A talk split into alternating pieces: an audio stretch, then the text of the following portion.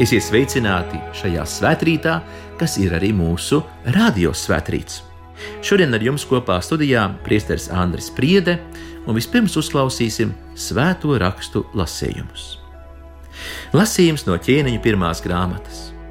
Ķēniņš Zālamans nostājās kunga altāra priekšā visai Izraēļa draudzē redzot, un pacēlis rokas uz debesīm sacīja: Kungs, Izraēļa dievs! Nav tāda dieva kā tu nedz augšā debesīs, nedz lejā virs zemes. Tu saglabā derību un žēlastību saviem kalpiem, kas staigā tavā priekšā no visas sirds. Vai tad patiešām Dievs dzīvo zemes virsū? Ja jau debesis un debesu debesis nespēja tevi uzņemt, kā tad to spēj šis nams, ko es uzcēlu? Bet tu uzlūko sava kalpa lūgšanu un viņa lūgumus. Kungs, mans Dievs, uzklausi tos saucienus un lūgšanu, ko tavs kalps šodien raida tavā priekšā, lai dienu un nakti tavas acis raudzītos uz šo namu, uz šo vietu, par kuru tu sacīji, tur būs mans vārds, lai tu uzklausītu lūgumu, ko tavs kalps no šīs vietas sūta uz tevi. Uzklausi sava kalpa un savas izraēļa tautas lūgšanu, ko viņi lūg šajā vietā, uzklausi sava mājokļa vietā debesīs, un uzklausot, esi žēlīgs.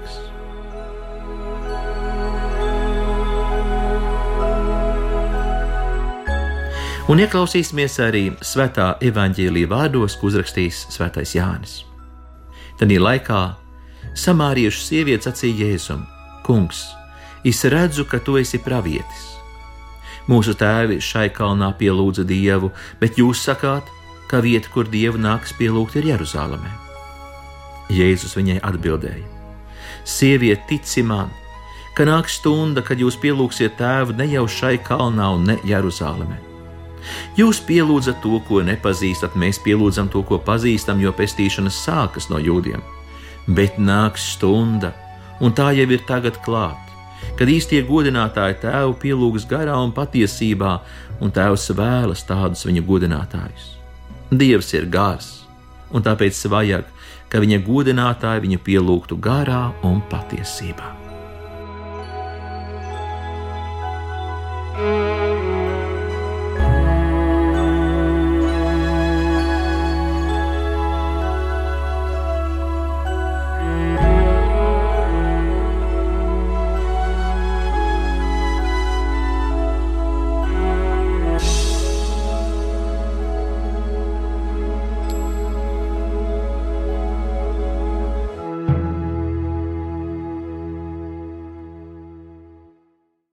Darbie svētkrīt klausītāji! Daudzās Latvijas baznīcās šajā svētdienā svin dievnama iesvētīšanas svētkus, un kāpēc liturģiskajā kalendārā ir iekļauta šāda svētku diena? Tas ir saistīts ar to, ka svētdienā, kas ir vistuvāk apakstoļa Jēkabas svētkiem, svin Rīgas svētā Jēkabas baznīcas iesvētīšanas gada dienu un vienas baznīcas svētki ir svētki visām pārējām baznīcām, līdz ar to tāds liturģiskais kalendārs ar Rīgas metropolijas dievnam iesvētīšanas gada dienas svētkiem. Protams, Jēkaba baznīca mūsu baznīcas vēsturē spēlē svarīgu lomu. Kopā ar Marijas Magdalēnas baznīcu tas varbūt ir dievnams, kurš visvairāk savā vēsturē ir mainījis savu konfesionālo piedarību un Latvijas vēsturē tās nav nekas neparasts. Vēl Jēkab baznīca mums ir svarīga ar to, kā tā bija pirmā latviešu un lībiešu draudzene. Runā, ka pats ķēniņš Kaupa ir bijis šīs baznīcas cēlājs un labdaris. Jēkab baznīcā ir sapulcētas arī pirmās mūsu sinodes, vēl 13. un 16. gadsimtā. Tātad svarīgi un būtiski notikumi mūsu baznīcas vēsturē. Bet arī klausītāji mēs varam uzdot jautājumu, vai tad baznīcas vēsture pastāv tikai tāpēc, lai izpatiktu baznīcas vēstures profesoriem? Nu, par daudz goda tai personai, kas šodien ar jums runā, drīzāk mums ir jāuzdod jautājums, kāpēc vispār tāda baznīca, ja reiz mēs pat pirmajā lasījumā šodien dzirdam, ka ķēniņš Zālamans izsaucās Es esmu uzbūvējis šo namu, bet pat debesu debesis nespēja tevi uzņemt. Kā tad tu spēj šis nams? Vai arī šodienas evanģēlijā? Šodienas evanģēlijā sarunā ar samāriešu sievu Jēzus pasaka skaidri un gaiši, ka jā, jums bija Lūgarizima kalns. Mums tur ir Jeruzalemes svētnīca, bet nebaidies, nebaidies, samāriešu sieva, ir pienākusi stunda, kā ne vairs vienā vai otrā kalnā būs tā ekskluzīvā, vienīgā dieva pielūgšanas vieta, jo dievu taču pielūdz garā un patiesībā. Tā mentalitāte, kas valdīja līdz Jēzus laikiem, monopolizējot vienu konkrēto kalnu, nozīmēja, ka visa pārējā pasaule tika gandrīz izslēgta no dieva kalpošanas, tad, kad ķēniņš Dāvids bēguļoja no greizsirdīgā un skaudīgā valdnieka saula. Tad viņš tieši tā arī izsaucās, ka tu mani izstumjot no Jeruzalemes, liedz burtiski kalpot svešiem dieviem, jo, lūk, ārpus Jeruzalemes būtu tāda kā citu dievu kompetence. Un Jēzus saka, tas laiks ir pagājis. Jāņem evanģēlī 14. nodaļā evanģēlists ir pierakstījis Jēzus vārdus, kur viņš saka, ka mēs, tas ir viņš, Tēvs un Svētais Gars, mēs nāksim pie ticīgā cilvēka un mēs iemājosim pie viņa. Vai apstults Pāvils izsaucās vēl skaidrāk, vai jūs neziniet, ka jūs esat Dieva templis? Tātad Ar Jēzus atnākšanu ir piepildījies laiks, kā ne vairs viens konkrēts kalns, ne vairs viena konkrēta svētnīca, un ne vairs arī katras pilsētas lokālā sinagoga, bet ticīgā dvēsele ir īstais dieva templis, īstā svētnīca, jo mēs taču savu dievu pielūdzam, kā Jēzus ir apsolījis, garā un patiesībā. Tikai garā var būt patiesība vēl vairāk. Ne tikai viena individuālā ticīgā dvēsele ir svētnīca, bet atbilstoši Jēzus vārdiem, ko mēs lasām Māte evaņģēlijā 18. nodaļā, Jēzus ir klāt tur, kur divi vai trīs ir sapulcējušies viņa vārdā. Nu, ne tikai divi vai trīs, var arī būt 20 vai 30, nu, atbilstoši pašreizējā laika ierobežojumiem, ka, nu, aglonā lūdzu ne vairāk kā 3000 ja divi vai trīs, tad ir tāda ļoti skaista frāze Otrā Vatikāna koncila dokumentā Lumen Gentium pasaules gaisma, kur ir runa par to, ka ģimene tie arī ir tie divi vai trīs vai četri vai pieci, nu, cik Dievs ir svētījis, bet ģimene tā lūk ir mazā baznīca. Ir dažas draudzes, kurās ir gan arī tāda kā kampaņa, izveido savu mājas altārīti. Dzirdējis, ka mūsu draugi liepājas svētās Annas draudzē, ka tur katra tāda sevi cienoša Annas draudzes ticīgo ģimene aicina mācītāju uz mājām un iesvētī savu ģimenes altārīti skaisti. Lūk, mazā baznīca, pateicoties laulības sakramentam, mēs redzam, ka tātad no vienas dvēseles svētnīcas mēs veidojam tādu kā mājas draugi. Nu, un tad, kā tad mēs lai nonākam pie tā, kā nemitīgi aicinām ticīgos, nāciet, ziedojiet, mums ir jārestaurē mūsu vēsturiskais dievnams, vai tā kā mūsu cienījumā eminences Jāņa Pujāta pontifikāta laikā pa vidzemes sabūvētas gandrīz 30 jaunas baznīcas, Kāpēc tas viss ir vajadzīgs, ja jau reiz Jēzus ir pasludinājis, ka tikai garā un patiesībā? Atbilde ir tā, ka svētajos rakstos mēs rodam pamatojumu baznīcai kā Kristus mistiskajai miesai. Kristus mistisko miesu veido ticīgie, jo baznīcas oriģinālais nosaukums tas, kāds ir lietots svētajos rakstos, eklēzija. Tas nāk no vārda ekkaleo, kopā sasaukt, kā Uldis Bērziņš mēlēja tulkot pulcinātājs, vai ne? Atsevišķu svēto rakstu grāmatu sauc pulcinātāju grāmatu, tur, kur tu esi sapulcinājis kopā no visām pasaules tautām, ciltīm un valodām, tu esi izveidojis savu dieva tautu, Kristus mistisko miesu. Un tad šīs sapulcinātās draudzes redzamā zīme ir tas dievnams, kurā viņi pulcējās, tas viņu acu augs, tas viņu lielākais prieks un greznums, ka mums ir šis kopējais dievnams, kur mēs nesam uz savām rokām, kur mēs katru svētdienu sanesam svaigus ziedus, kur mēs rotājam, pucējam, lolojam, kas ir mūsu lepnums un prieks.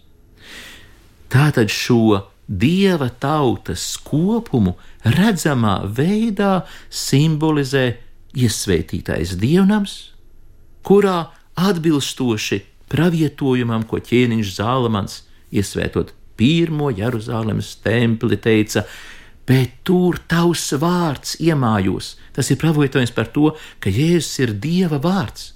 Un ienākot šajā dievnamā, kas ir tas, kas mūs visvairāk iepriecina, jā, vislielākais siltums staro no altāra, ko šis vārds ir iemājojis, no tabernākula, kurā tu, Jēzu, esi klātesošs.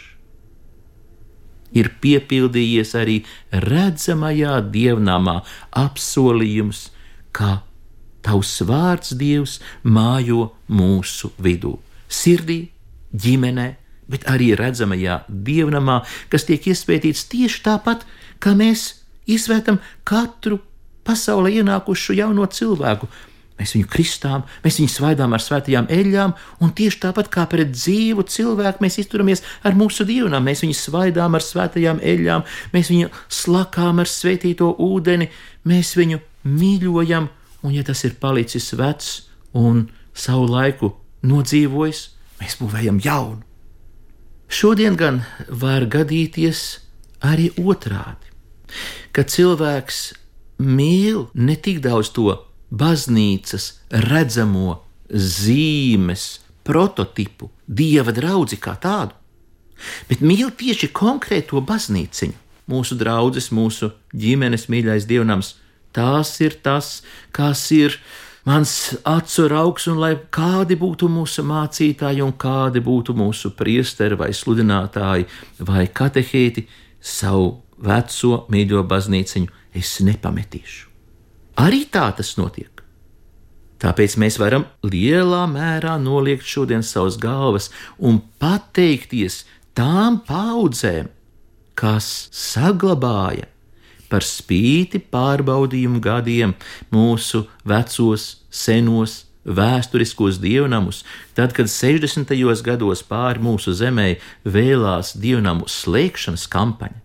Un tas ir tāds interesants vēstures paradoks, ka nevis daudzinātajos Staļina laikos, kad represēja garīdzniekus un ticīgos, bet tieši tā saucamajā atpūsnī, Hruščova laikos mēs pazaudējām Piemēram, Latvijas Lutāņu baznīca praktiski pusi no saviem dievnamiem, un nevis varmācīgā kārtā, bet ar tādu neuzkrītošu vajāšanu, uzliekot tādus nodokļus, lai draudzes pati atteiktos no saviem dievnamiem. Pirms nedaudz dienām Dante Alighieri biedrība mūsu viceprezidenta Ojāra Spārīša vadībā devās gadskārtējā ekskursijā. Šoreiz pa kurzemes baznīcām. Mēs abrīnojām baroka mākslas pērli Lesteni.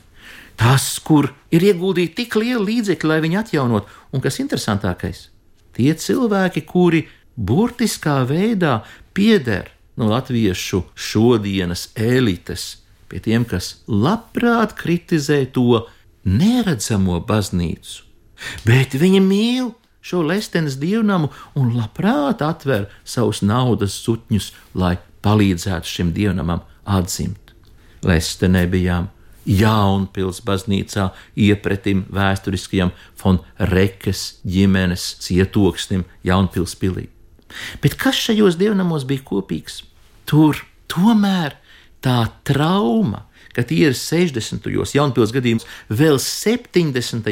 gados slēgti, jo tā draudzene nevarēja izturēt. Tādā lestenē saka, bijis viens kolhozs priekšsēdētājs, kas svētdienās mēdzis šaudīties pirms dievkalpojuma, lai cilvēkus aizbiedētu no baznīcas apmeklēšanas, lai viņi īstenot to labprātīgo baznīcas atteikšanās kampaņu. Tad lūk, ja to ieeja dievnamā, kurš no saviem pirms sākumiem nekad nav bijis slēgts, tad tomēr gandrīz burtiskā veidā var just, ka šī draudzes mīlestība ir nesusi reizēm pārcilvēcīgus upurus. Un tomēr viņa šeit ir palikusi, kaut arī varbūt viņa nav uzturēta tik spoži un tik zeltīti, kā mēs redzam, varbūt tādīs atkal atvērtajos, atkal iesvētītajos dievnamos, bet kuros ir palikusi šī trauma. Jā, šajā svētdienā, kad mēs pārdomājam mūsu māras zemes dievnam iesvētīšanas gada dienu saistībā ar svētā jēkabas svētkiem, mēs lielā mērā varam paust savu pateicību, cieņu un atzinību cilvēkiem, kas mums ir spējuši tālāk nodot un atstāt mantojumā dievnamus, kas nekad nav bijuši pamesti, nekad nav bijuši apsmieti, apgānīti, pārvērsti un profanēti. Un to pašu, darbie draugi, šajā svētdienā mēs varam novēlēt tām redzamās baznīcas prototipam, neredzamajai baznīcai. Lai mēs kā kristieši, ne tikai tā komponente, ar kuru bieži vien sabiedrība identificē baznīcu, mūsu biskupi, priesteri, māsas un tā tālāk, bet lai mēs katrs, lai mēs katrs būtu tā neredzamās baznīcas personifikācija, kuras dēļ cilvēki teiktu, jā, es mīlu ne tikai šo redzamo, no mūriem vai ķieģeļiem vai guļbāķiem būvēto dievnam, bet es tagad redzu, ka Kristus patiešām iemājo arī ticīgā cilvēka dvēselē. Es redzu, kā Kristus virs zemes, svētceļojošais Kristus, ir katrs kristietis, kurš ir pēc Jēzus sirds, kurš ir kā dieva attēls šeit virs zemes. Cik skaisti ir mūsu dzimtenes dievnami, bet vēl jo skaistākam ir jābūt tam dievnamam, ko mēs katrs nesājam sevī. Un lai uz to labais Dievs, kas ir labvēlējies svētīt mūs ar savām baznīcām un svētnīcām, lūkšanu namiem un katedrālēm, lai labais Dievs svētī mūs katru, ikvienu, kas mīl mūsu pestītāju Jēzu Kristu. Āmen!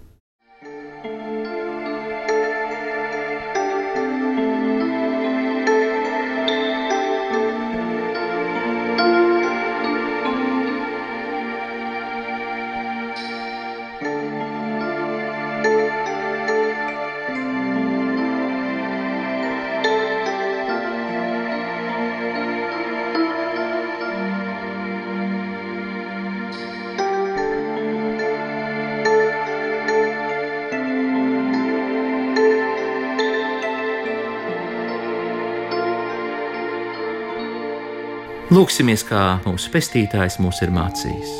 Mūsu Tēvs debesīs, svētīts lai top tavs vārds, lai nāk tava valstība, tavs prāts, lai notiek kā debesīs, tā arī virs zemes.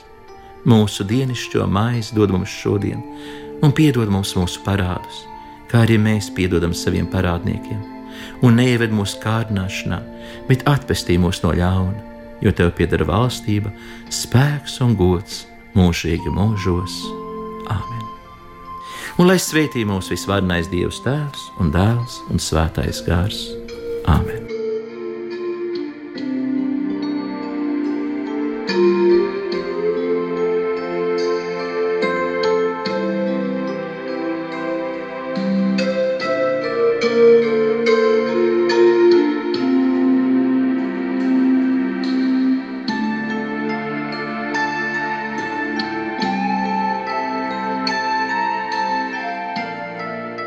Šīs svētdienas svētkrītā Kopā ar jums bija priesteris Andris Priete.